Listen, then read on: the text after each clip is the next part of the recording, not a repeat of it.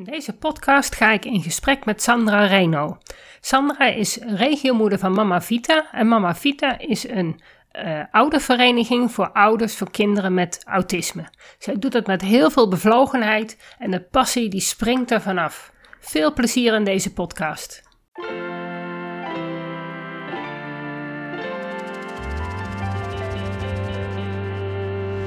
Welkom bij de Beelddenkers podcast. Ik ben Natasja Esmeijer van Beeldig Brein en de schrijfster van het boek Beelddenkers als kwartjes vallen. Ik neem jullie mee in de wereld van de beelddenkers. Beelddenkers zijn creatieve, intelligente en zorgzame mensen, maar ze hebben moeite met onze vluchtige, snelle maatschappij. Dat begint al op school en het werkt door in het werkende leven. Ik ga in gesprek met leerkrachten, ouders van beelddenkers en met de beelddenkers zelf natuurlijk.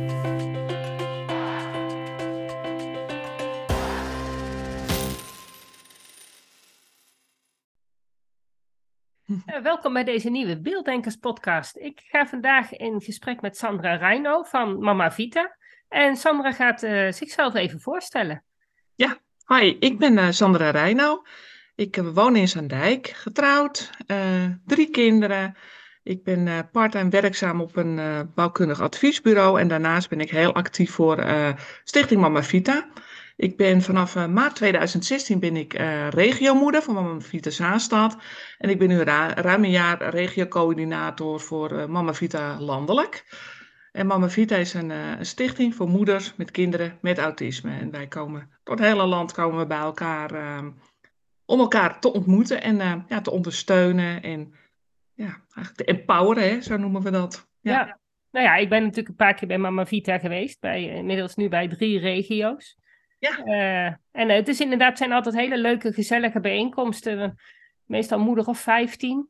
Dus uh, ja, ik, eh, ik zag wel dat daar heel veel positieve vibes vandaan komen. Geeft echt voldoening, of, of ja, herkenning en erkenning voor de, voor de moeder. Absoluut, ja, ja. klopt.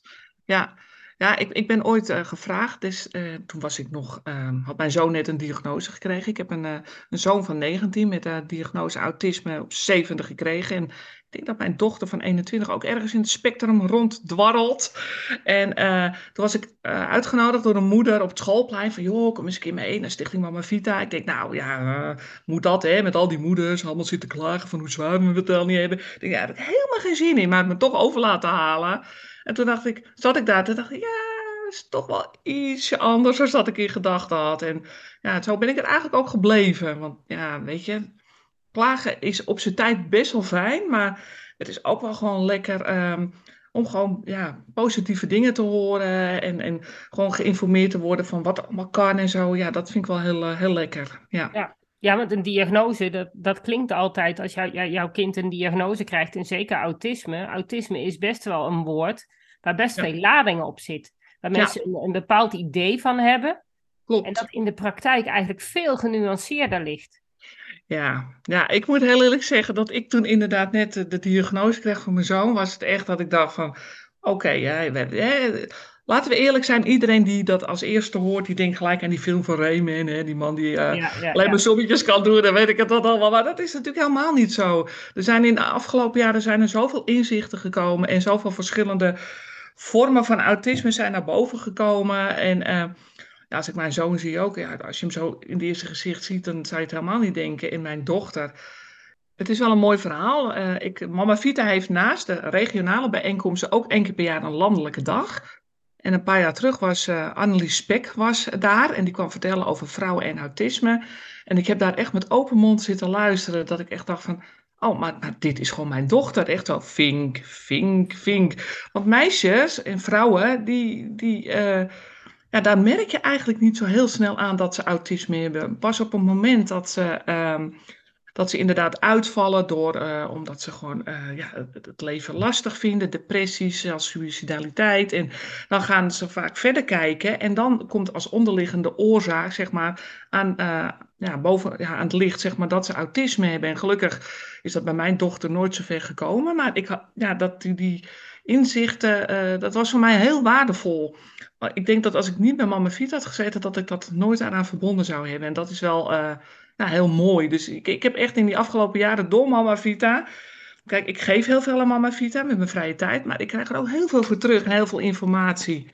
En dat is ook waar Mama Vita wel voor staat. Dat we heel veel verschillende invalshoeken die, uh, die er zijn momenteel in de, in de wereld van autisme, noem ik het altijd, ja, ja. dat die belicht worden. En dat we al die moeders daar kennis mee laten maken. Want ja, wat, wat er is. Uh, niet elk mens met autisme. Ja, er is geen blauwdruk voor autisme, laat ik het zo nee, zeggen. Zeker niet. Nee, nee, nee, nee. Nee, en dat, is, dat maakt het ook zo lastig. Ook voor de hulpverlening, voor de scholen, uh, maar ook voor de ouders zelf. Ik bedoel, het is niet zo dat je even een boek pakt van, joh, oh, dit is de blauwdruk voor het autisme, we gaan er nu zo mee om en zo werkt het. Nou, dat zou heel makkelijk zijn, zijn geweest, maar dat is gewoon niet zo. Dus, en dan is een kind is gewoon veel meer dan alleen autisme. Absoluut. Ja. ja. dat is ook zo. Want je hebt inderdaad, uh, ja, dat is ook wel mooi. Wij, wij hebben momenteel in onze groep, ja, ik warrel een beetje af, maar dat is ook wel leuk ja, om te vertellen. Hebben wij ook veel uh, moeders zitten met de kinderen die nu in de puberteit zitten. En dan zeggen ze, ja, maar het is zo lastig. En komt dat uit autisme? Ja, ik zeg maar, dat, natuurlijk, er zal een stukje autisme bij zitten. Maar je hebt en een stukje puberteit en een stukje autisme. En je hebt natuurlijk ook nog, waar groeit een kind op? En oh ja, we hadden daarnaast ook nog een stukje karakter. Nou, wat denk je van hormonen? Ja, dat bedoel ik. Dat de is hormonen dat stukje... in de puberteit, die gaan zo tekeer. Ja, en dat, ja. dat autistische lijf reageert er vaak veel gevoeliger op. Ja, absoluut. Dus dan heb je juist als, als, als pubermeisje of puberjongen met autisme... Ja. Ten eerste ontwikkelt dat zenuwstelsel al langzamer. Ja. Dus er zit al een discrepantie vaak in ja, de ontwikkeling ja. en uh, de beleving van de wereld, maar ook soms dat ze weer voorlopen op het sociale stuk, ja. omdat ze juist dingen eigenlijk al uitgevogeld hebben. Ja. Omdat ze, die, dat sociale stuk gaat niet automatisch, maar moeten ze beredeneren. Nou ja, als ze op een gegeven moment een stuk beredeneerd hebben, kunnen ze dat ja. juist uitvoeren. Terwijl die andere pubermeiden en jongens, ja, die zijn nog lang niet zover. Die, die, die vinden dat op een hele andere manier uit. Ja, nou, ja. Het, het, is, het is echt heel, uh, heel bijzonder inderdaad. Dat je, dat je zoveel verschillende uh, ja, ja, mensen met autisme ziet. En dat, dat, dat is ook ook wel weer mooi, want ik ben dan inderdaad regiomoeder van Zaanstad. En we hebben best een grote groep. En dan zitten we bij elkaar. En de een heeft dit, de ander heeft dat. De een wat zwaarder, de ander wat heftiger. En, maar je kan elkaar wel ja, heel goed helpen. Want de een heeft dit meegemaakt en de ander heeft dat meegemaakt. En oh, eh, welke school werkte bij jou? En welke hulpverlener werkte bij jou? En dat is zo mooi dat, dat, um, ja, dat je dat ook met elkaar uit kan wisselen. En dat je ook niets hoeft uit te leggen. Hè? Als je, nou, we hebben dan wel eens een, bij, een bijeenkomst en dan krijg ik om vijf voor zeven, net op, voordat ik wegga, krijg ik een appje. Ja, sorry, meltdown. Geen probleem. Wij snappen dat. Want ja. als iemand dat snapt, dan wij dat wel. Hè? Dus ja, dat, uh, en dat is fijn dat je gewoon niks hoeft uit te leggen. Waar je inderdaad bij familie of vrienden dan wel eens denkt van ja, die hebben dan zoiets van aanschop onder de kont. Dan gaan met die bananen. Ja, ja, ja, zo werkt het gewoon niet. nee. Ja, nee, echt dat onbegrip. Want mij, nou ja, ik heb dan ook een dochter met autisme. Ja.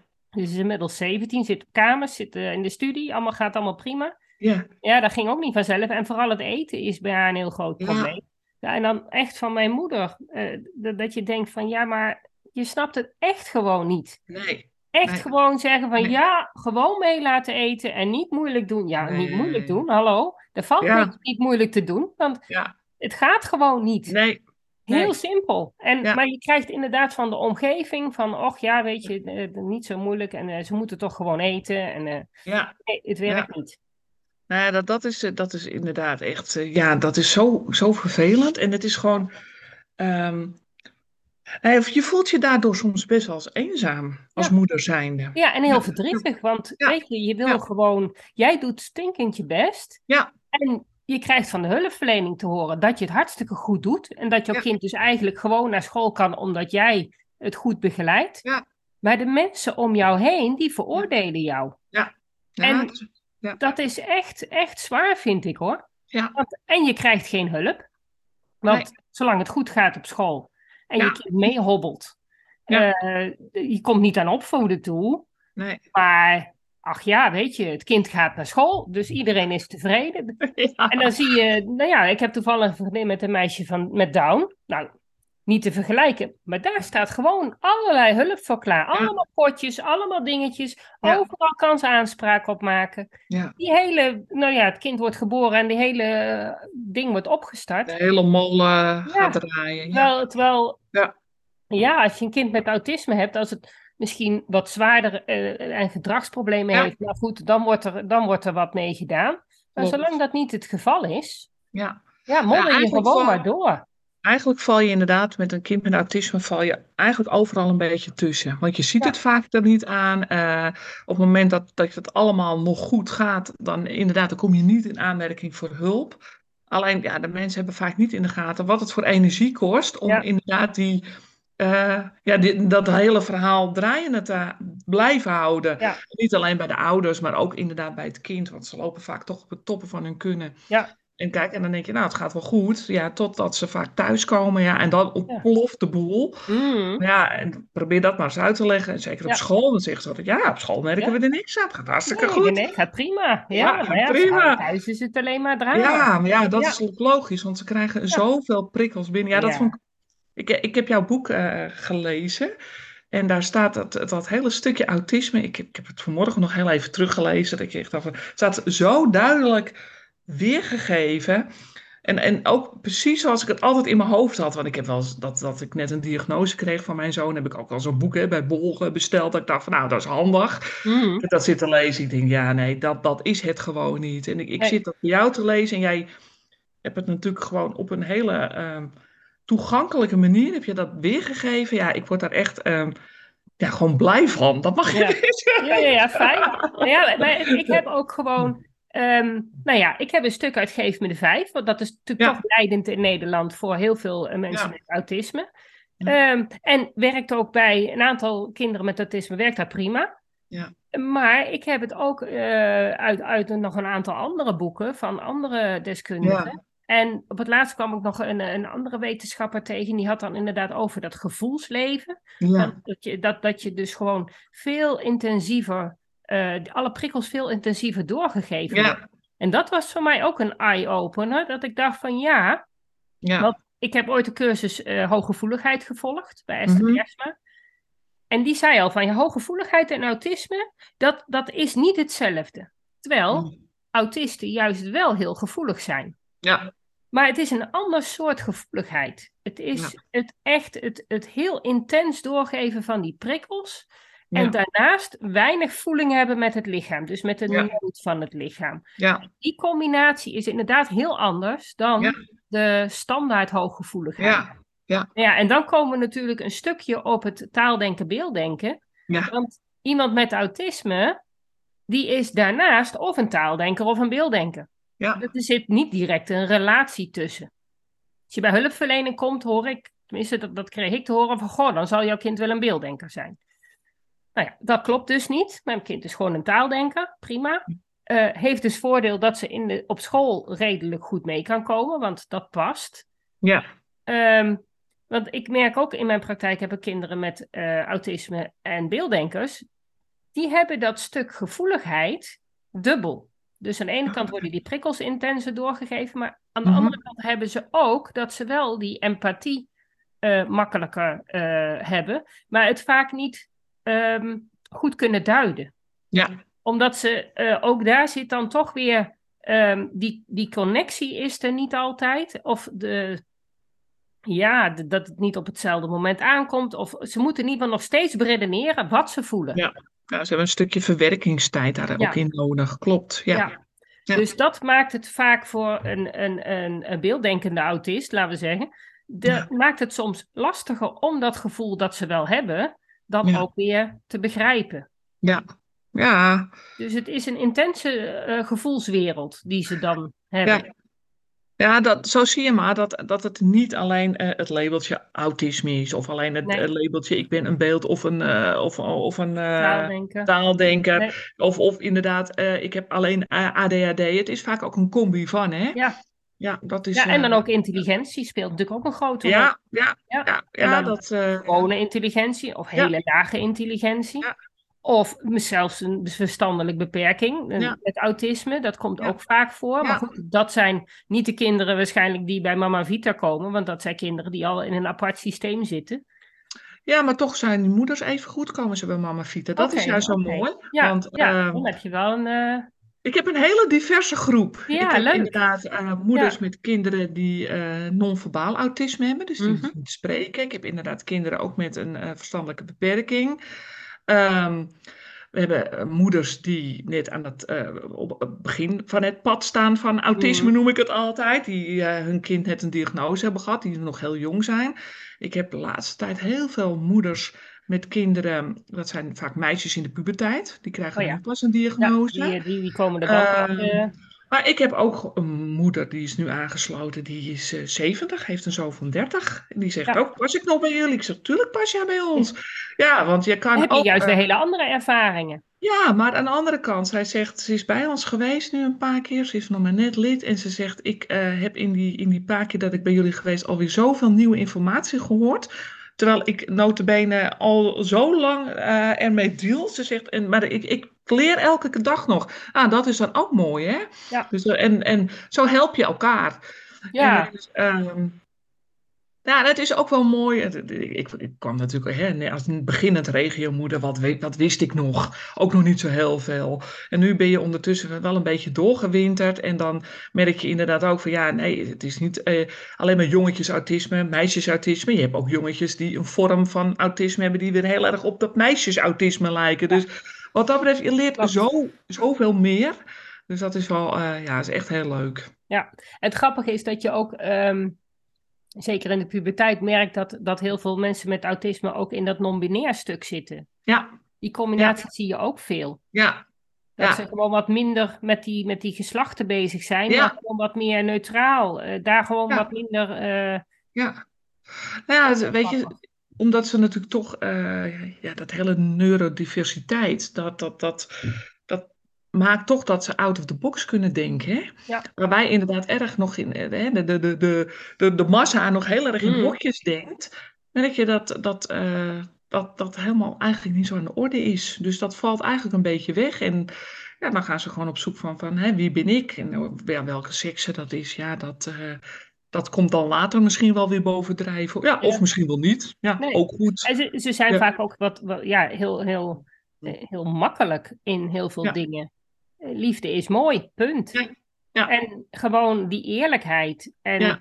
en gewoon, nou ja, ze hebben een, een idee in hun hoofd. Ja, en dat kan soms natuurlijk eh, een niet zo handig idee zijn. Maar Ja. ja, het kan ook gewoon wel een heel simpel idee zijn. Dat je zegt van ja, maar waarom doen we met z'n allen zo moeilijk? Ja.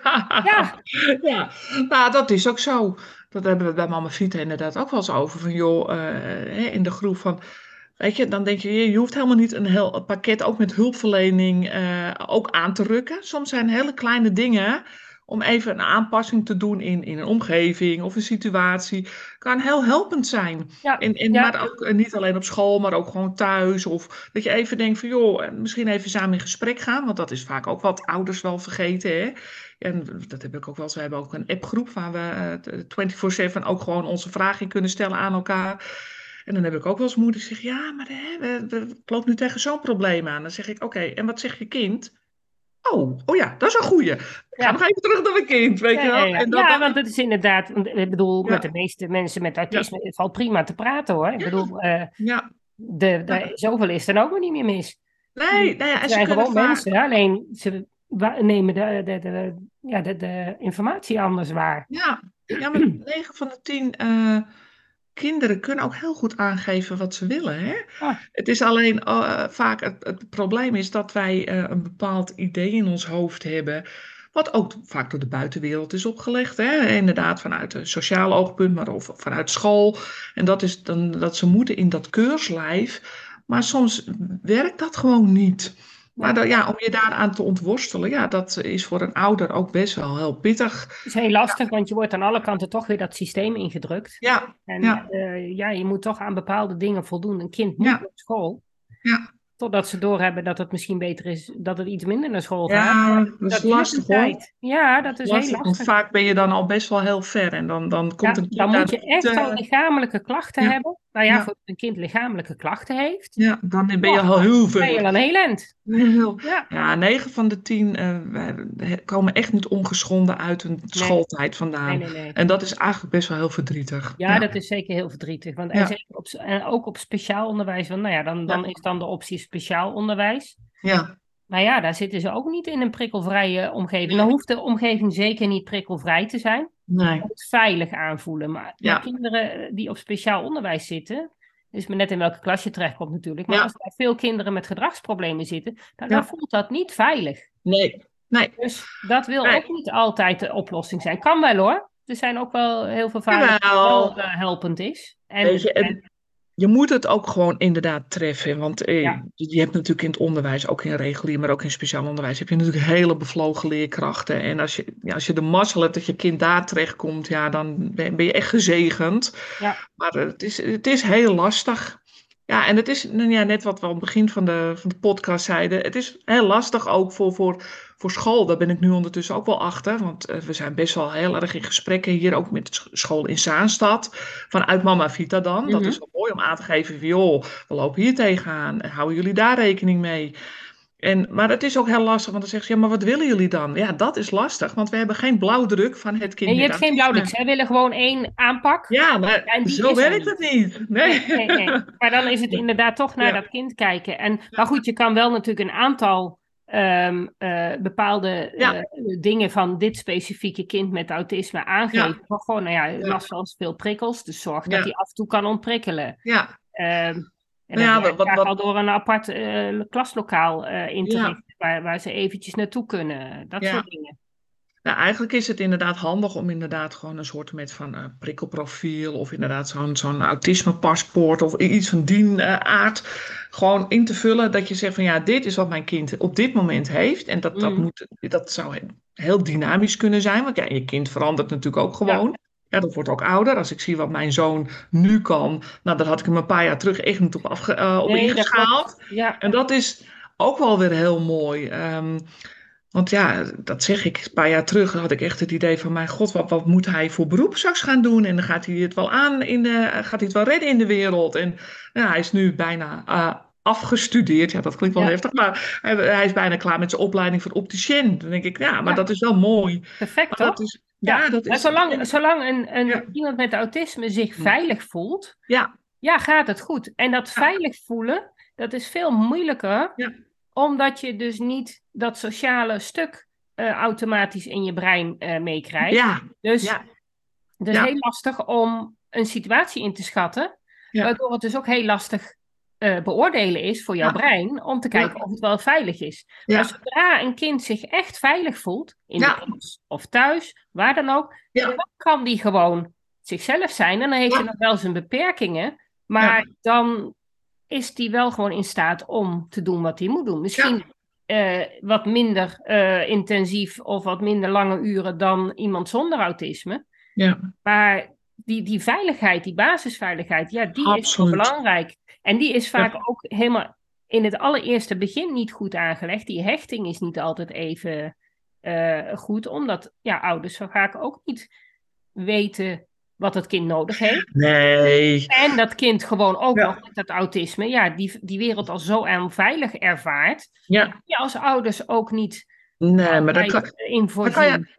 Daar kan je als ouders ook helemaal niks aan doen. Hè? Dat, Nee. dat, dat, dat merk Nee. ik bij mama Vita ook wel eens. Dan zeggen ze, ja, maar doe ik het dan wel goed? Ja, ik zeg maar lieverd, zolang je het met liefde doet Ja. en met de allerbeste bedoelingen, dan kan je eigenlijk kan je het niet echt fout doen. Maar het is natuurlijk wel fijn op het moment dat je weet wat er aan de hand is, Hmm. dat je wel die belevingswereld probeert in te duiken. Dat je denkt Ja. van, hé, hey, maar hoe werkt dat dan? En dat, dat, ja, dat, ik vond dat heel mooi. Ja, ik ga hem toch aanraden hoor. Eh, jouw boek, ja, ik was er echt nog steeds van onder de indruk hoe duidelijk je dat omschreven hebt.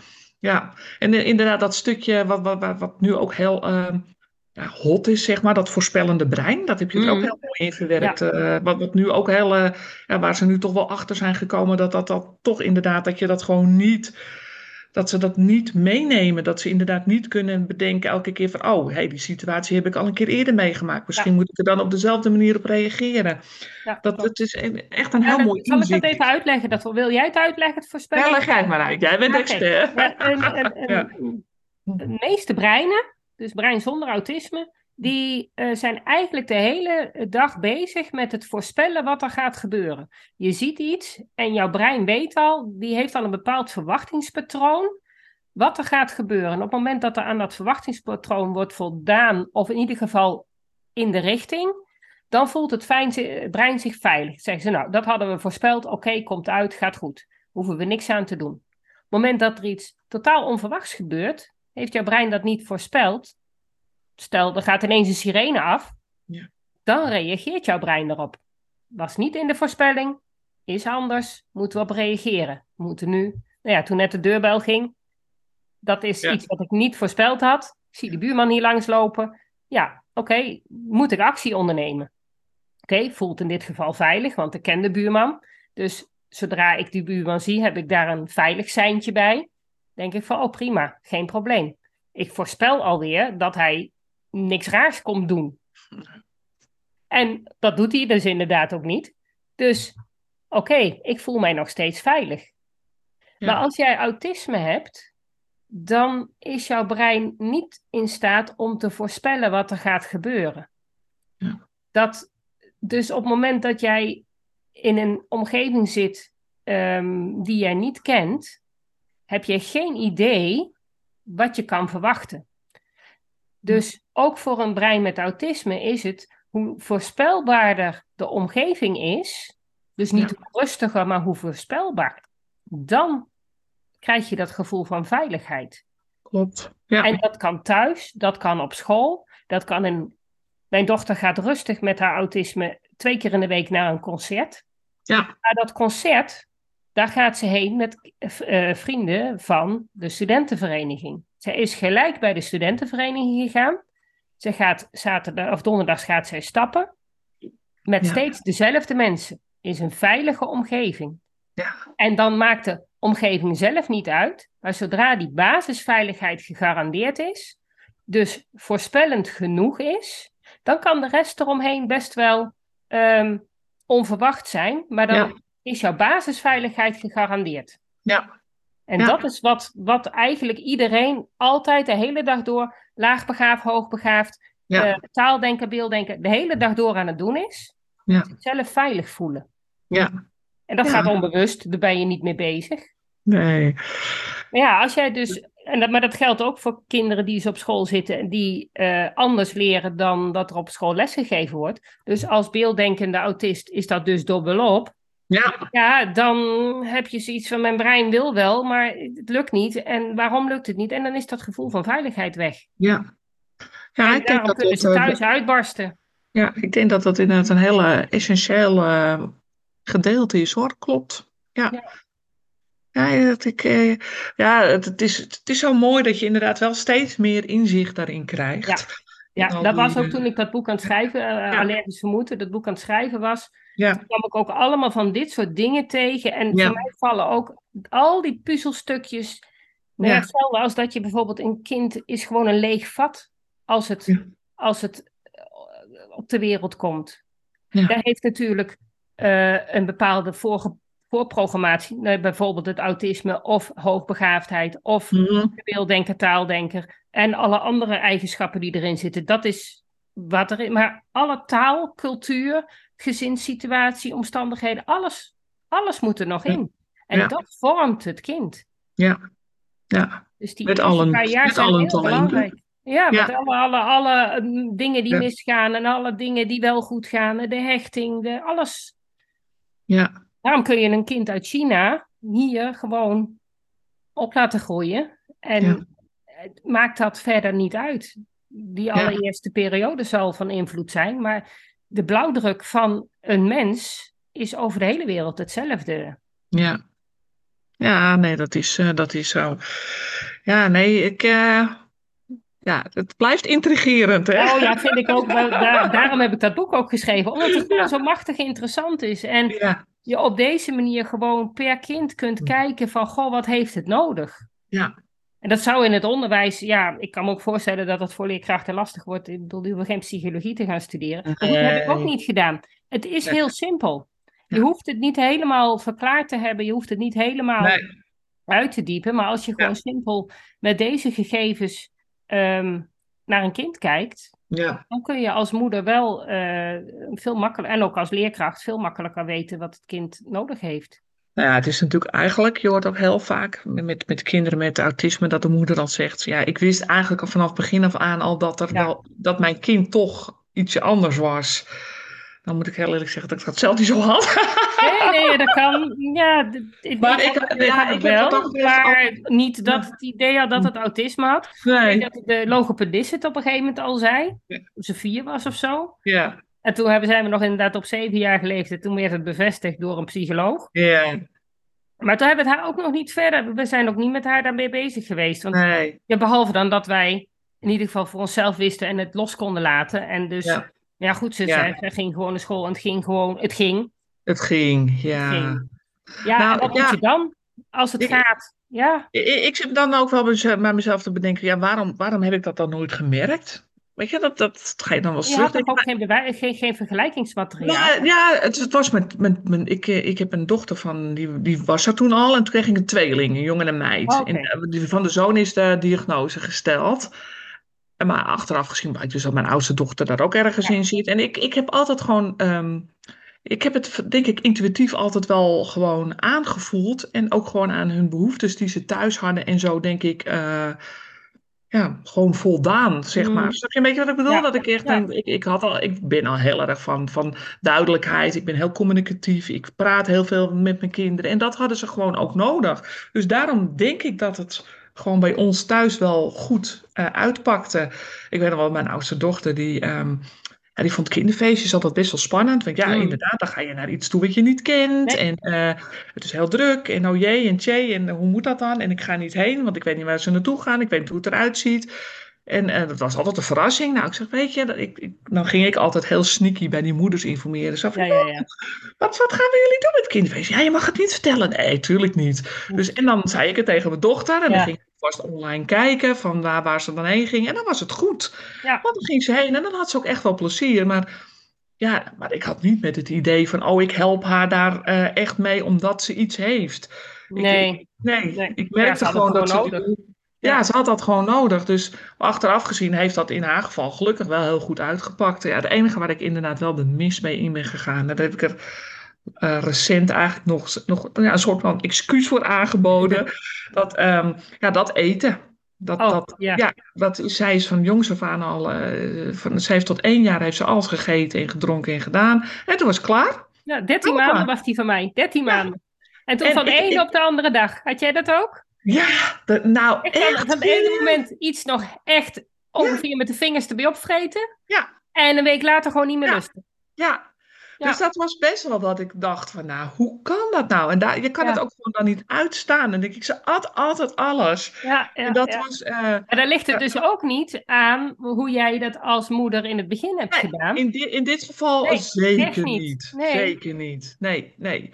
nee. En um, ik heb nu een, uh, sinds uh, een jaar, nou ja, klein jaartje heb ik een nieuwe regiomoeder bij West-Zaanstad. En haar zoontje heeft Arvid. Maar in dusdanig ja, daar heb ik van gehoord, ja. ja maar in, in dusdanig ernstige mate dat hij ook naar een eetkliniek uh, is mm -hmm. gegaan. En dat, ja, Arvid is een, uh, ja, een eetstoornis. Het, het, het valt in het hokje van bulimia en anorexia. Alleen dat, dat, daar kan je dan nog echt wel wat mee doen. Maar Arvid, ja, dat heb je gewoon. Ja. Je kan wel leren eten. Je kan dingen leren ja. eten. Ja, uh, wat Arvid is, wat ik heb begrepen, ik heb toevallig ergens een stukje van gelezen. En dat je, oh, dat stond bij ons toevallig in de krant vanmorgen. Een Oh. jongetje die kreeg geen behandeling en die wilde naar Oostenrijk. Ja, heb ik ook uh, een Ja. linkje van En meegekregen. eh, ja. maar je- dan heb je dus gewoon geen hongergevoel. Nee, en dat, dat is moeite om het eten door te slikken. Ja, je hebt er verschillende vormen Ja, van. Je hebt inderdaad eh, geen hongergevoel. Dat kan. Dat kan vanaf de geboorte zijn. Eh, maar het kan ook zijn dat jij op jonge leeftijd een, een hele akelige ervaring hebt gehad met eten. Ja. Of dat je inderdaad, eh, het kan ook nog zelfs op latere leeftijd ontstaan. Stel je voor dat jij inderdaad eh, een hele traumatische ervaring hebt. Ik zeg maar wat, een overlijden. En dat associeer je dan met eten. Dan kan Oh ja, het ook zijn dat je daardoor dan... eh, eh, stopt met eten. Dus het, het kan hele verschillende vormen. Het is wel interessant eh, als er moeders zijn die inderdaad, eh, of, of haar vaders natuurlijk, Mm. die, eh, die kinderen hebben met, eh, met eetproblematiek, om je daar eens in te verdiepen. Want Ja. Ik, ik heb tegen mijn dochter gezegd, ja, ik zeg, sorry schat, ik heb jou de laatste, nou ja, laten we zeggen, twintig jaar daar niet goed in begeleid. Dus ja, zo simpel is het. Ik ja, wist- ik heb mijn dochter, ik had een gegeven niet. ik heb Ja. gewoon de strijd opgegeven. Ik had, ik Ja. had, ik heb, we hadden vroeger de regel, ze moest vijf groentes eten. Ja, moest zelf uitkiezen welke vijf groentes dat waren. ja, En als ze dan bij een vriendinnetje was wezen eten, dan kwam ze nog wel eens thuis van, mam, ik lust bloemkool. ja, echt hè? Eh, ja. Nou ja, en dan lusten ze thuis ook. Ja. Maar Oh, het is bij haar vooral de structuur. Ja. De structuur in combinatie met smaak. Ja. Ik had het vroeger, toen was het denk ik een jaar of drie, vier. En toen had ik kersen. Gewoon kersen uit blik. Of gewoon Ja. verse kersen, ik weet het niet meer. Maar ik had zoiets van, nou dat is zo lekker. Ja, En je hebt het nog nooit geproefd. ja. Nou, ik kreeg die kers er niet nee, in. nee. Ik heb er in een houtgreep genomen. Ik dacht, ik ga het één keer proberen. Ik dacht, Ja, als het nee. toch proeft. Ik kreeg hem er niet eens in. Ik kreeg die mond, die was zo stijf dicht. Ja, Daar heb ik ook daarna dat nooit meer inderdaad- gedaan. Ik, ik dacht, heb nou ja, weet je, als er zoveel weerstand is, ja, dan, en dan hebben, ja, dan kun je ervoor kiezen om elke dag strijd te hebben aan tafel. Ja. Of ervoor kiezen dat er elke dag groente in gaat. Dus Ja. vlees was geen probleem. Aardappelen, rijst en zo, dat ging ook allemaal goed. Zolang het Ja. maar apart lag. Ja. Maar ja, groente, ja, groente en klopt. fruit. dat, maar ja. Ja, maar ja, nou, als ze maar die structuren dan apart kunnen eten. Ja. Maar structuren door elkaar. Nee, ik- dat op is een sowieso. moment mocht ik wel eh macaroni saus maken, maar dan moest ik het fijn pureren. Dus ik heb echt tot haar twaalfde, dertiende heb ik de macaroni saus voor haar gepureerd. En dan Ja. naast de, gewoon de macaroni haalde ik altijd een klein beetje eruit voor haar. Ja. Zodat ze die kaal kreeg en dan de gepureerde macaroni saus. En dat ging naar binnen. Nou, zo Ja. herkenbaar. Wij hebben dat ook, kale macaroni's Ja. noemden wij dat. Ja. Ja. Ik heb het nog hoor. Ik, ik serveer alles apart. Als wij inderdaad pasta eten, heb ik een, een, een pan apart voor de macaroni's, part, eh, Ja. pannen voor de saus, maar ook bakjes eromheen inderdaad met komkommer, met stukjes Mhm. kaas. Dat er voor Ja, maar die ook niet. Ja, stukjes kaas wel, maar die komkommer gaat er niet in. Oh ja, nee, dat is nou het enige wat ze nog heel veel Ja. komkommer. Nee, ja, ja, ja. ja. mijn Ja, maar- dochter eet de buitenste bladeren van de sla. Die binnenste bladeren moet ze niet, maar die buitenste wel. Nee. Ja, Ah, dat echt, is het is af en toe, je snapt het helemaal niet. Nee. Ja, en dan komt ze ook wel eens thuis, want dat is natuurlijk zo, hè, ze gaat nu met, met eh, vriendinnen, gaat ze ook wel eens eten, of dan gaat ze uit eten, of weet ik het wat. En dan zegt ze, ik heb dit gegeten. En dan denk ik, Ja. hallo? Ja. Dat heb ik thuis ook wel eens geprobeerd, maar ja, dat is dan toch anders. Het is En toch die echt, je- ze worden ouder, het verandert. En Ja. eh, nou ja, ook een andere omgeving eh, wil soms toch ook wel helpen. Ja, Ja, mijn dochter en- eet bij een vriendin thuis af en toe, als ze dan s'avonds gaan stappen. En dan, eh die eten vegetarisch. En nou ja, dus dan moet ze ook allerlei groentes eten. En dat Ja. gaat ook. ja, Maar ja, nu, vroeger echt niet. Maar nee. goed, weet je, ehm, Nou ja, goed, wat dat betreft groeien ze gelukkig ook wel weer. En dat geeft de burger dan eh, ook wel weer moed, inderdaad. Dat, je dat is ook wel als je ouders hebt die zoiets hebben van help mijn kind eet zo slecht. Ja, weet je, het komt wel goed. Ja. Het Ja. komt wel goed. Ja. En ja, vooral Ja. hoe minder moeilijk je erover doet, hoe Ja. meer veiligheid dat kind heeft in het Ja. eten. En hoe Ja. meer het in staat is om af en toe eens wat te proberen. Ja, dat, dat merk ik eigenlijk met alles. En niet, eh, niet alleen met eten, maar ook inderdaad met school of, of andere dingen. Hoe minder druk je erop legt, hoe meer ze even zichzelf kunnen zijn, hoe beter ze eigenlijk floreren. Maar ja, dat is Ja. eigenlijk eh, de, Ja. tip van, eh, Ja. de tip van deze podcast. Ja, hè? Ja, Ja.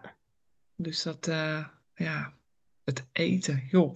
ja, ja, ja. En hoe zit het? Want, eh, nou ja, goed. ehm, er zijn natuurlijk wel ouders die heel vroeg al merken dat hun kind autisme heeft. Ja.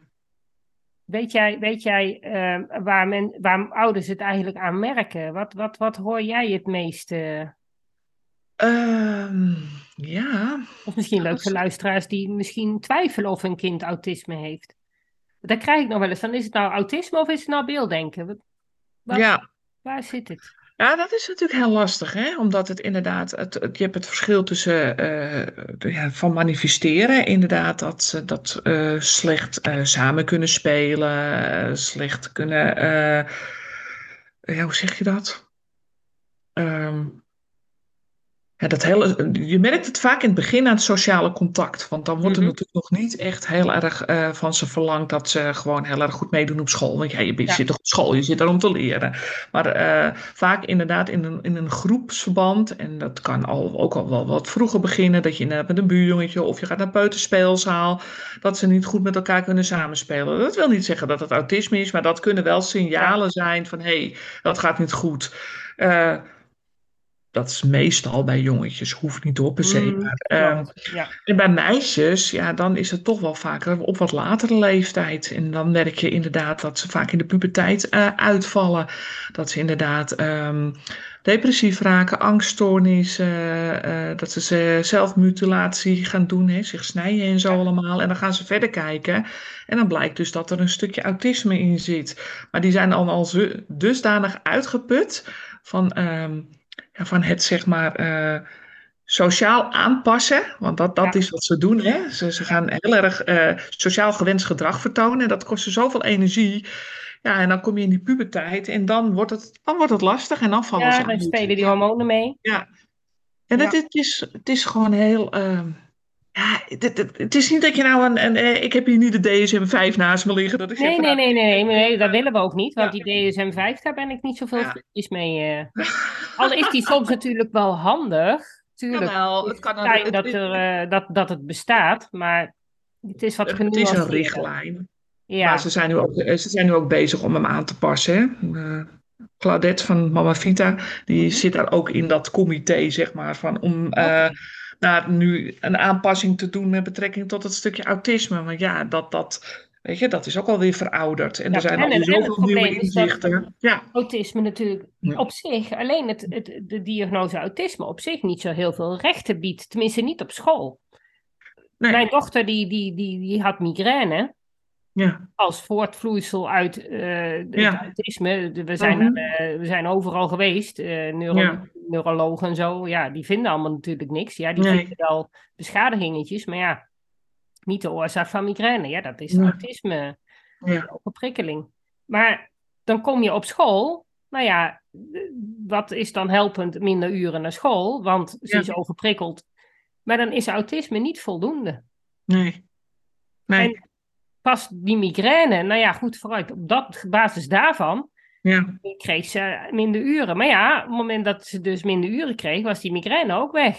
ja, Of weg, minder. Maar Ja. gelukkig hebben ze daar nooit moeilijk over gedaan, omdat ze zagen Nee. dat het hielp. Maar ik bedoel, Nee. dat is natuurlijk een beetje krom. Ja. Want dan ben je dus al zo ver, Ja. dat je lijf dus al zo aan het protesteren is, dat klopt. Ja, voordat er überhaupt... Dus wat dat betreft zou het fijn zijn als de DSM zodanig zou zijn, dat op het moment dat een kind ja, eh, autismeverklaring heeft en, en het Ja. aangeeft van, goh, school is gewoon veel te veel. ja, Want ook speciaal onderwijs moet je de hele dag naar school. ja. Er zijn Ja, dat is zelfs lastig. nog moeilijker om minder uren naar school te Ja. gaan. Want er wordt al alles aangepast.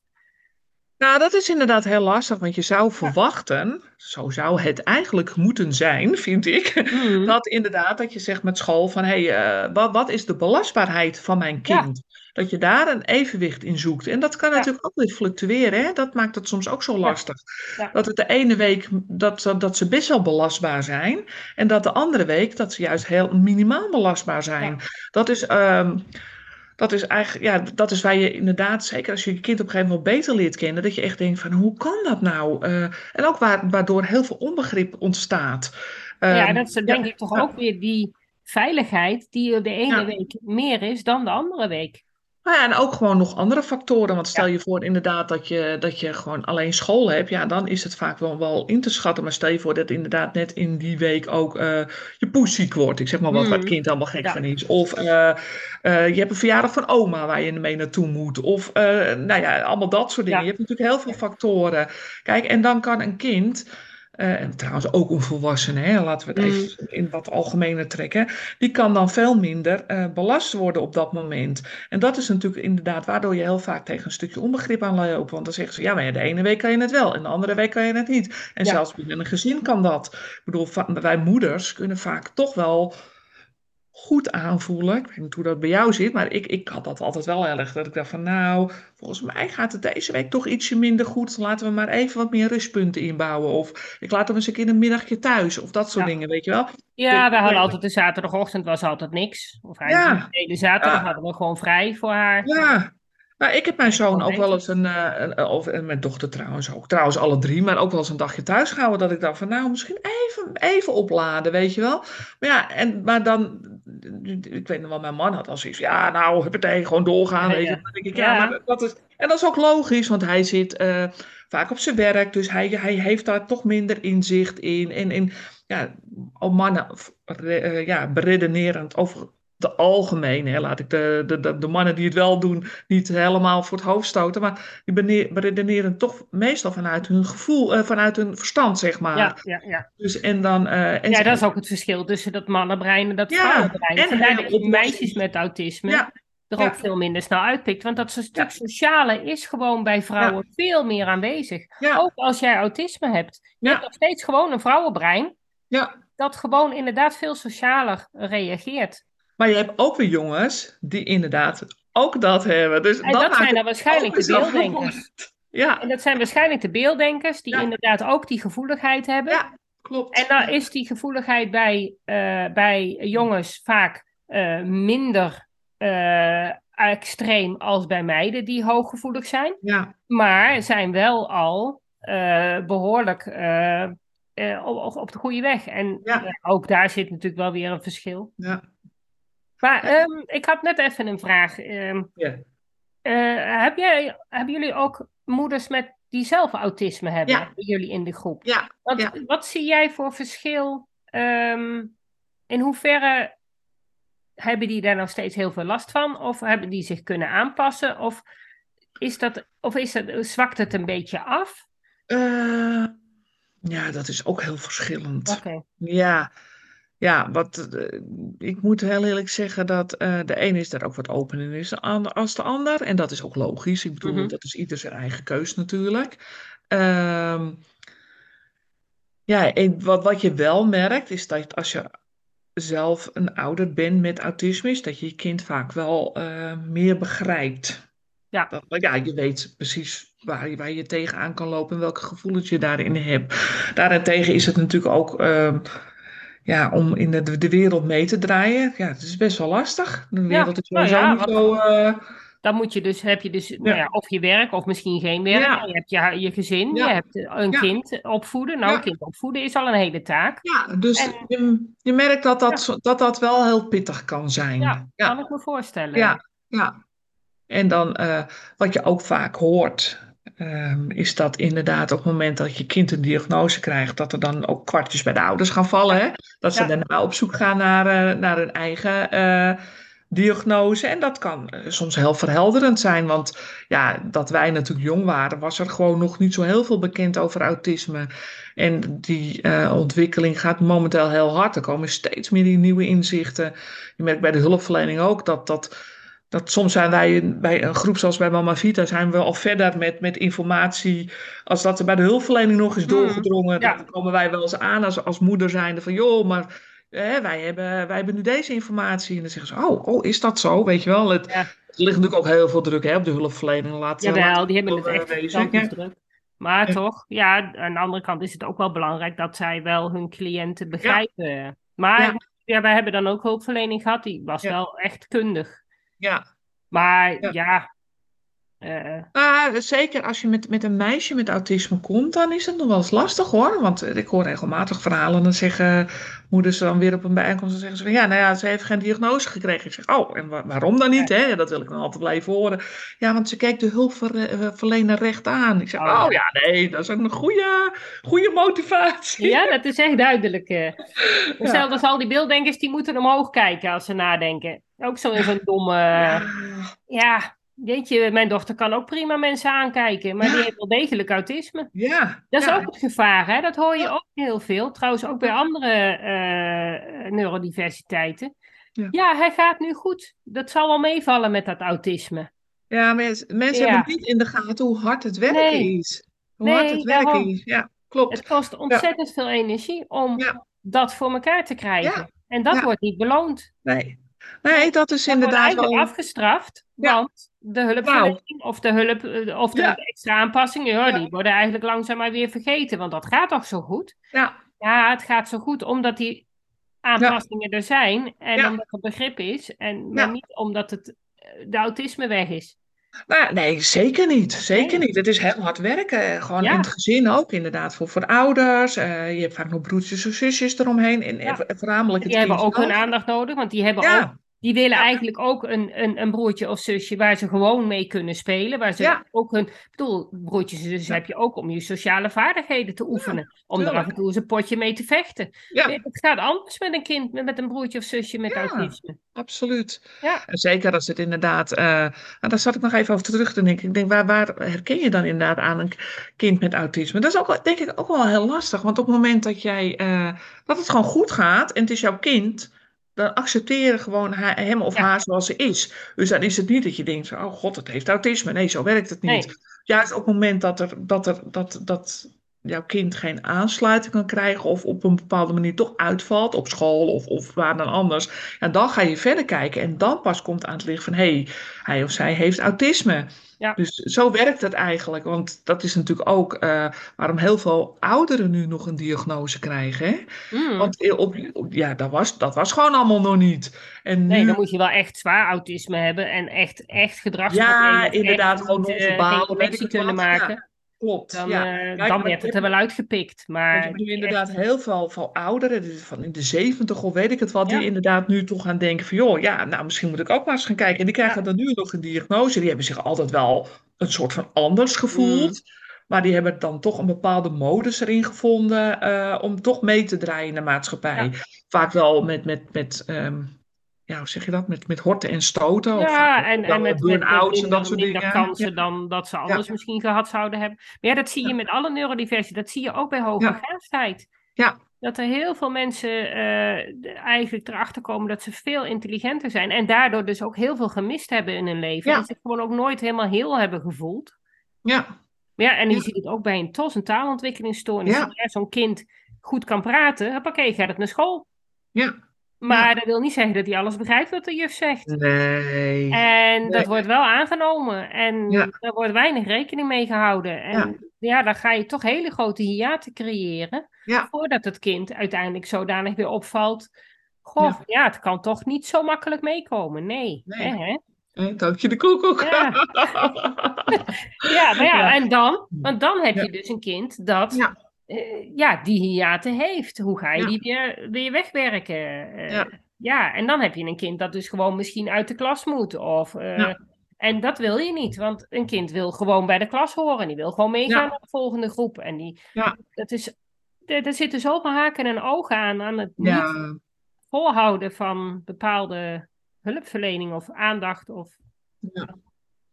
En het kind er ook in begeleiden, want die moet ook weten waarom het anders is dan de rest. ja, Elk kind natuurlijk anders dan de rest. Ja. Maar ja, het is wel fijn als je weet in welke hoek je het moet zoeken. nou ja, ik denk wat dat betreft dat, dat duidelijkheid naar een kind, ehm, ook gewoon eerlijkheid, dat dat wel heel belangrijk is. Ja. Ik weet nog wel dat mijn zoon dus zijn diagnose kreeg. Die was zes of zeven, ik weet niet eens meer precies. En wij gingen toen naar zo'n zo'n ehm, zo'n groep toe, waar al die ouders aan kwamen. Dus er waren iets van zes of zeven ouderparen. En toen vroegen ze ook van, joh, hebben jullie het je kind al verteld? En wij waren de enigen die het al aan hun kind hadden verteld. En dan denk ik, Ja. ah, nou, dat vond, vond ik best heb wel ik eigenlijk ook bijzonder. nooit gedaan, omdat ik dacht van, ja, weet je, dan eh, voelt ze zich ineens helemaal anders en het gaat gewoon goed. Pas toen ze elf was, toen Ja. we, we hadden ook geen, we hadden geen echte diagnose. We- het was PDD-NOS en we hadden ook Ja. geen echt. Dus ze hadden Nee. van, nou ja, weet je, eh, voor school was het voldoende. En Ja. Ja, toen hadden we inderdaad, maar hadden we de keuze van, ja, gaan we het haar nou vertellen? Ga je haar daarmee belasten? Eh, ja, ik weet niet of, het, of we er goed aan hebben gedaan, maar ja, Maar ja, ik denk op het moment dat je, dat je inderdaad, dat, dat zij gewoon, eh, gewoon lekker ging, dat het Mhm. ook geen noodzaak heeft. nee, daarom. En dan Eh, heb je ook zoiets, dan gaat zo'n kind ook denken. En vaak gaan ze er dan ook naar handelen, hè?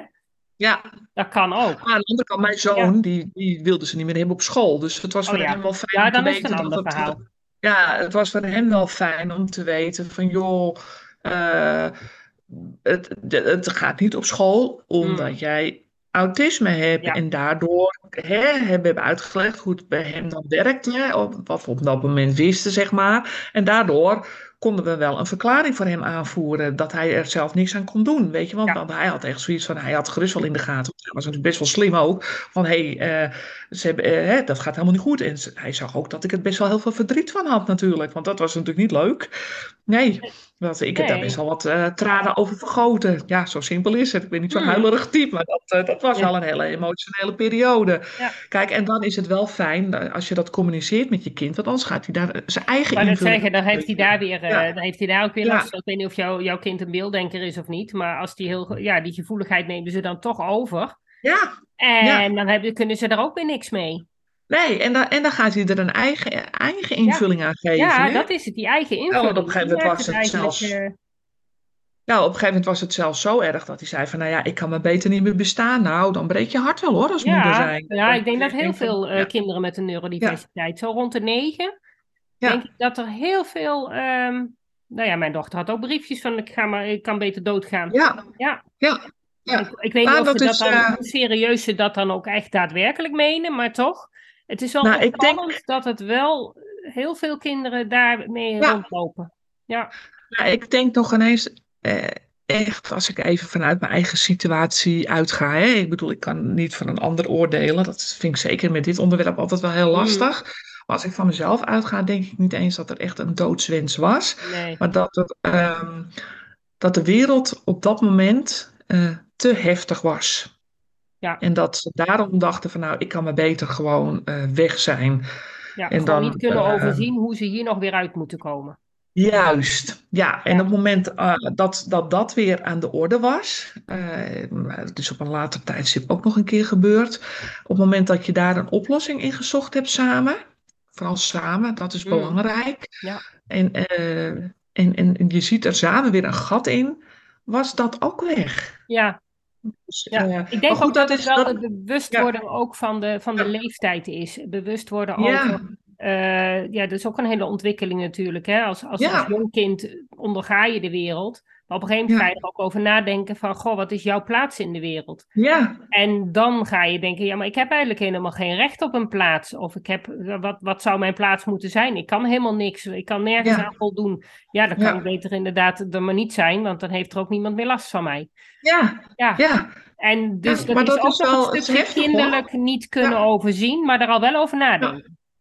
Ja, nou ja, goed. Het, en het is natuurlijk, dat, dat, dat vind ik dan. We hebben bij Mama Vita toch regelmatig Martine Delfos. Die, ja. uh, die komt vertellen over, over hoe zij uh, tegen autisme aankijkt. En wat zij natuurlijk heel erg heeft, zijn die verschillende leeftijden in één persoon. Hè? Dat ze mm. inderdaad zegt, ze zijn. Uh, qua verstand zijn ze alweer veel verder als dat ze inderdaad sociaal-emotioneel zijn. En ja. Ja. daar kan je heel veel dingen kan je daar toch op terugvoeren. Dat je inderdaad denkt van, oh ja, maar dat klopt dan wel. Ja. Uh, en dat is, dit is ook logisch, want ze hebben alle energie nodig om bepaalde uh, ja, gebieden zeg maar te onderhouden. En dan komt op een ja. later tijdstip, maar alleen dat gaat bij hun gaat dat vaak contra als, als de, de gewone massa, noem ik het altijd maar, zeg maar. En dat is, ja, maar op het moment dat je dat weet, dat dat zich anders ontwikkelt, dat dat eigenlijk een beetje contra gaat, ja, dan denk je, oh ja, maar dan, dan en op het moment dat je dan inderdaad iemand spreekt die zegt van, ja, maar mijn kind die kon dat inderdaad ook niet en die kan dat nu wel, dan denk je, oh, inderdaad, zo werkt het echt. Ja. En dat ja, is zo... en dat natuurlijk ook samen ja. met dat, ont, dat, dat, dat, langzamer ontwikkelende zenuwstelsel. Ik denk ja. dat die hersenen ook gewoon bepaalde gebieden inderdaad langzamer ja, maar andere en, gebieden juist weer sneller. Ja, en die gaan weer sneller, omdat je ja. dan weer, weer, meer met dat beredeneren en met die regeltjes. Ik weet ja. dat mijn dochter uh, het, het, heel vervelend vond als mensen op straat haar gedag zeiden, wildvreemden. Ze vond dat doodeng. Ja. Totdat ik daar een keer met haar over gepraat heb. Ja. Zei, maar waarom vind je dat zo vervelend dan? Ja, zei ze, maar ik weet niet wat die mensen van mij willen. Zei, nou ja, als iemand op straat jou gewoon gedag zegt, ja. dan willen ze helemaal niks van jou. Dan ja. vinden ze het gewoon leuk dat ze jou tegenkomen en dan zeggen ze even hi. Ja. Oh, oh, is dat alles? ja, sindsdien vindt ze het geen probleem meer. Ja. Ja. nou, we wonen hier in het dorp, dus nou ja, er ja, dus, wat uh, gezwaaid. Afgehooid. ja, daarom. Dus, ja. dat, maar dat zijn allemaal dingetjes. Eigenlijk moeten ze alle al die sociale ja. dingetjes moeten ze voor zichzelf een regeltje voor hebben, wat ze dan weer kunnen ja. gebruiken. Dan moeten ze, alles ja. moeten ze kunnen beredeneren. Daarom was juist de pauze op school het meest intensief voor mijn dochter. Ja, Ja, maar dat- want ze was de hele tijd bezig met wat, Ja. wat willen ze van mij? Ja. Wat, moet ik nog een antwoord geven? En wat voor antwoord? Wat bedoelen ze nou precies met wat ze zeggen? En, en, en het lijkt wel steeds erger door, die hele sociale slangenkuil van, van, van, van, van, van, van, van al die pubers met elkaar. Hoe dat met elkaar, al die onderliggende dingen. Eh, Man, ik, ik moet er niet meer aan denken, serieus. Nee. Maar dat is tegenwoordig nog lastiger hoor, voor die jongelui. Ja, dat denk ik. Ja. Ja. Ja, en dan zit je ook nog op de sociale media en zo. Nou, daar hebben die van Ja, ons dat ik. nooit zo heel veel mee, mee, eh, mee gedaan. Ja. Dan moet ik zeggen dat mijn dochter wel juist door, nou ja, door coronatijd en doordat zij op ehm, juist op die buitenlandse sociale media, volgens mij was het Discord of zo, had je allemaal van die Ja. Discord, ja. En dan Ja. konden ze bepaalde interessegroepen, daar heeft zij heel veel van geleerd. Ja, Want dat was veilig. Ja. Ze kon daar dingen zeggen. Ja. eh, dat werd op geantwoord. En Ja. zij kon daar, daar heeft zij haar sociale contacten in eerste instantie leren onderhouden. ja. Ja. En, en dat, was, ja, dat was een veilige manier om wel sociaal bezig te zijn. Ja, ja, mijn zoon doet dat inderdaad ook. En dat is. eh, ik, ik, ik, hink altijd een beetje op twee gedachten. Aan de ene kant denk ik, ja, ik vind het niet fijn dat hij heel veel achter zijn computer zit. Mm. Want ja, ik weet niet of dat altijd even goed zit. Aan de andere kant denk ik, ja, joh. eh, hij zit inderdaad ook op dat Discord. Hij heeft een vriend in Amerika en daar is hij al jaren mee bevriend. En die vertellen heel veel met elkaar. Maar dat is Ja. inderdaad veilig. Het het is moment dat veilig hij en denkt- ze hebben Ja. vaak eh, Ja. komen ze toch gelijkgestemden tegen. Ja, wat ik. En die kunnen heel veel aan elkaar uitwisselen. Zeker, zeker. Ja, Ja, ik vroeg op een gegeven moment ook aan hem. Ik zeg, goh, ik zeg, heeft jouw vriend ook autisme? Nou, hij zegt, ik heb het eigenlijk nog nooit met hem erover gehad, maar het zou best wel kunnen. Toen Ja. kwam hij een paar dagen later, hij zegt, ik heb het even gevraagd. Inderdaad, hij heeft ook autisme. Ja, nou, wow, wat een Ja, maar dan, verrassing. dan, dan kun je elkaar toch gewoon begrijpen en helpen en ondersteunen. En dan je herkenning en erkenning. En weet je, dat heb je allemaal nodig. Ook iemand met autisme heeft juist gelijkgestemden nodig. Heeft, Ja. hoe moet ze, wil zich sociaal ook begrepen voelen. En die hebben dat net zo hard nodig. Ja. Ja. Nog wel harder. Maar ja, Ja, ze dus- worden in de meeste sociale omgevingen niet gewaardeerd. Want ja, ze hebben toch een hele andere interactie. Ja, Waar mensen niet zoveel mee kunnen. Ja, nee, dat klopt. Ja, dat, ja dat, dat klopt inderdaad. Ja, maar daarom ben ik inderdaad ook wel wat, wat dat ik echt denk van joh, prima dat je op je computer zit. En tuurlijk, ik, ik Ja. Probeer het wel een beetje te begrenzen. Want ik vind het Mhm. ook wel belangrijk dat hij gewoon eh, beneden komt. Maar dan laat ik hem wel gewoon, net zoals met een verjaardag ook. Ik wil dat hij even gedag komt zeggen. En dat hij eventjes eh, even gaat zitten met, met wat drinken en een staartje. En even even twee tellen met, eh, met iemand zitten praten. Maar daarna zeg ik, joh, prima, jouw kamer is jouw veilige omgeving. En, eh, Ja, en Als- een verjaardagsvisite niet. Nee, nee, Nee. maar dat is logisch, toch? Want Nee, je inderdaad, hebt geen wordt er idee wat ze allemaal gaan vragen. Ja, wordt wat er ze van jou verwacht? verwachten. ja, nou inderdaad, wat wordt er van Ja. je verwacht? Ja, en mensen die zitten allemaal... Het zijn heel veel verschillende mensen die allemaal Ja. toch met elkaar zitten te praten. Nou, nee, Ja. dat, dat is niet te doen. Ja. Nee, nee, dat klopt, ja. Nee, dat, eh, nee, dat, ja, nee, dat, dat is fijn, hè, om nou zo met elkaar daarover hè? te praten. Ja, ja, ja. ja maar ja, je ziet het gewoon dat het elke keer wel weer werkt. En als je Ja. inderdaad ouders... Want ik had een laatste meisje, die, beha- die, begeleid ik voor heel veel andere dingen. Ja, En die kwam er dus ook achter dat ze autisme heeft. ja, ja, als je dan die ouders dan vertelt hoe dat in elkaar steekt, dan gaat er Ja. zoveel lampjes branden. En dan zeggen ze, oh ja, dat is prima dus dat jij met een verjaardag eh, even weggaat. En dan kun je het zoveel makkelijker maken. Ja, tuurlijk. Ja, weet je, het, je moet het vaak even weten. Maar dan is het Ja. inderdaad zo fijn dat je met elkaar eh, dat kan delen.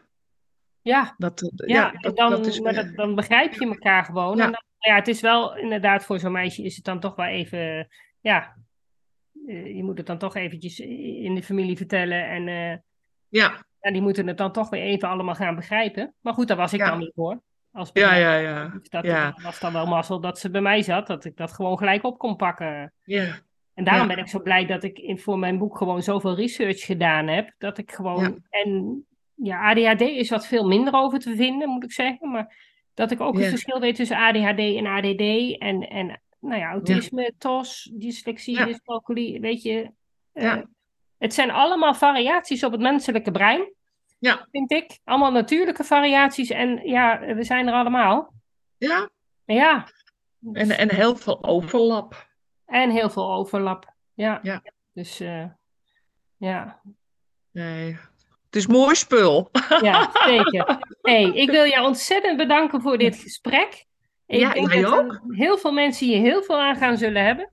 Ja. Dus, uh, nou ja, dankjewel. Ja, jij ook bedankt. En dan, uh, nou ja, misschien zien we elkaar nog een keer. Neem Vast en zeker. Ja. Vast en zeker. Dat was het weer voor vandaag. Bedankt voor het luisteren en superleuk dat je erbij was. Ik hoop dat je weer een beetje meer ontdekt hebt hoe gaaf, maar ook hoe lastig het kan zijn om een beelddenker te zijn in een wereld die is ingericht voor taaldenkers. Wil je meer weten? Lees dan mijn boek Beelddenkers als kwartjes vallen. Wil je op de hoogte gehouden worden van alle informatie die ik deel over beelddenkers in het onderwijs? Klik dan op de abonneerknop in je podcast-app. Wil je dat dan meer mensen op de hoogte zijn van hoe beelddenkers anders denken? Laat dan een review achter, zodat er steeds meer mensen in beweging komen om het beelddenken serieus te nemen. Heb je nog tips of vragen? Of ben jij of je kind een beelddenker en wil jij je verhaal delen? Laat het me gerust weten. Wil je als ouder of leerkracht echt weten hoe het allemaal werkt bij je kinderen of bij jezelf? Kom dan naar een van de cursussen. Duik helemaal in het onderwerp en kom erachter dat beelddenkers helemaal niet zo anders zijn en best in ons onderwijssysteem passen, als je maar weet hoe ze denken. Ik geef speciale cursussen voor ouders en voor professionals. Voor meer informatie ga je naar www.natasjaesmeijer.nl. Samen gaan we voor een beelddenkvriendelijke wereld.